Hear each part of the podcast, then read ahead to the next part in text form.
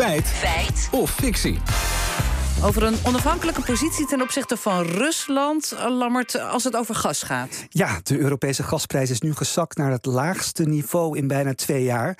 Matthias de Tremerie, energiehandelaar bij de Belgische leverancier Elindus, zegt in het AD: Met alle aankondigingen en investeringen lijkt het erop dat we daar Poetin te snel af zijn en onze eigen onafhankelijkheid hebben bevestigd. Onze Europese onafhankelijkheid is dus nu ja, een feit, is, is bevestigd. Ja, nou daarvoor hebben we eerst maar eens even gebeld met energie-expert Jilles van den Beukel van het Den Haag Centrum voor Strategische Studies en gevraagd hoe die gasprijzen nu zo zijn gedaald. Het is gelukt om heel veel LNG naar Europa te halen. Uh, en er is uh, behoorlijke vermindering van de vraag, met name van de industriële vraag. Uh, daarbij komt ook nog van ja, voortschrijdende energietransitie, relatief zachte winter. Ja, die gasprijzen die zijn dan nu uh, gedaald. Maar merkt de consument daar dan ook wat van? Nou, die vraag hebben we voorgelegd aan Maarten Pieter Schinkel, hoogleraar economie aan de Universiteit van Amsterdam. Hij vertelt dat de inkoopprijs van gas nu op het niveau van juni 2021 ligt, dus voor al die problemen. Maar de consumentenprijs daalt helemaal niet zo hard mee. Er worden wel weer jaarcontracten aangeboden, maar die zijn veel duurder nu dan toen. Toen uh, betaalde je 79 cent per kuub. En nu ligt dat nog steeds tegen de 1,90 uh, per kuub, zoals het nu wordt aangeboden. Dus de lage inkoopkosten voor gas worden maar heel mondjesmaat doorgegeven in lage consumentenprijzen.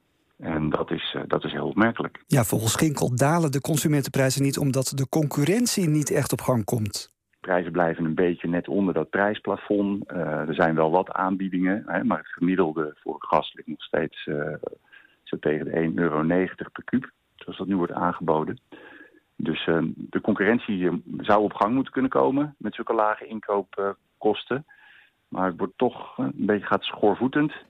En dat zou te maken kunnen hebben met het uh, ontwerp van het prijsplafond het energieplafond dat de overheid in de markt heeft uh, gestoken. De gasprijzen zijn gedaald, consumenten merken er weinig van. Hoe, hoe zit het dan met die onafhankelijke status? Ja, Van een Beukel legt uit dat we inderdaad minder afhankelijk zijn geworden van Russisch gas. Er komt uh, nog wel wat Russisch gas naar Europa, maar niet veel meer. Ongeveer een kwart van normale tijden. En dat lukt.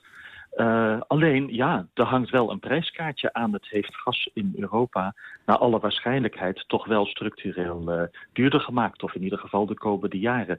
Hoeveel duurder? Ja, dat is echt afwachten. Maar Van den Beukel heeft goede hoop dat we in de toekomst ook van dat laatste stukje Russisch gas afkomen. Ik zie nu ook de EU toch ook echt wel, uh, nou ja, die teruggaan naar uh, een grote afhankelijkheid van uh, Russisch gas. Na alles wat er gebeurd is. Ik zie eerder de EU nadenken van kunnen we ook niet van dat laatste beetje Russisch gas af. Oké, okay, gaan we terug naar het begin. Uh, met alle investeringen lijkt het erop dat we onze eigen onafhankelijkheid bevestigd hebben ten aanzien van Rusland. Dat is wat formele zin, maar ja. hè, het gaat om dat, dat, dat we dat niet meer zo nodig hebben. Is het feit of fictie? Nou, het klopt dat we minder afhankelijk zijn geworden van Russisch gas, maar daar zit ook een prijskaartje aan, merken we als consumenten. Spreken van onze eigen onafhankelijkheid is alleen wel heel stellig. We zijn goed op maar het is nu nog even fictie.